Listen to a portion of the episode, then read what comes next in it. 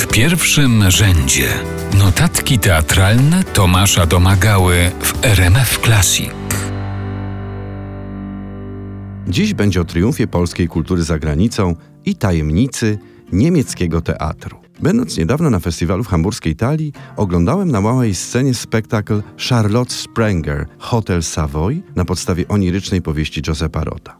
I tu niespodzianka. Tytułowa instytucja to prawdopodobnie łódzki hotel o tej samej nazwie, słynny w czasach młodości pisarza. Reżyserka chyba wzięła sobie do serca wiadomość, że akcja toczy się gdzieś w przygranicznej wschodniej strefie frontowej, czyli najlepiej w Polsce, bo pozwoliła jednemu z aktorów na drobny żart. O nim jednak za chwilę. Najpierw opowiem prawdziwą scenkę, której świadkiem byłem w hamburskim metrze. Jadąc na spektakl ze stacji Hauptbahnhof na dworzec Hamburg-Altona, spotkałem dwóch naszych rodaków w trudnym do określenia wieku, ale na pewno po pięćdziesiątce. Łatwo natomiast było określić ich stan oraz narodowość, bo nie dość, że ostro popijali wino z gwinta, to jeszcze jeden z nich zwrócił się do towarzysza stanowczo, acz z wyszukaną grzecznością. Jureczku, bardzo cię proszę nie odzywaj się do mnie teraz, bo jestem strasznie, tu należy wypikać. Po czym poszedł do niemieckich policjantów rozmawiających z jakąś kobietą i przez dłuższą chwilę wrzeszczał na nich po niemiecku. Znosili ten wybryk naszego rodaka, trzeba przyznać, z imponująco pokerowymi twarzami, po czym odwrócili się i wraz z ową niewiastą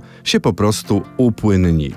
Mój bohater zaś podniósł butelkę do ust, pociągnął porządny łyk i krzyknął za oddalającymi się stróżami prawa po polsku na zdrowie, po czym zebrał kolegę za kark i poszli sobie wsiną od alkoholu dal. A teraz proszę sobie wyobrazić moją minę, gdy kilkadziesiąt minut później w spektaklu Hotel Savoy pojawia się na scenie pielęgniarka prowadząca pijanego doktora, który zauważywszy publiczność bierze potężny łyk wina, uśmiecha się szelmowsko od ucha do ucha i zwraca do publiczności po polsku. Na zdrowie! Zdębiałem bo nagle uświadomiłem sobie, dlaczego niemiecki teatr jest taką potęgą. To jasne, oni tam po prostu są zawsze krok za rzeczywistością.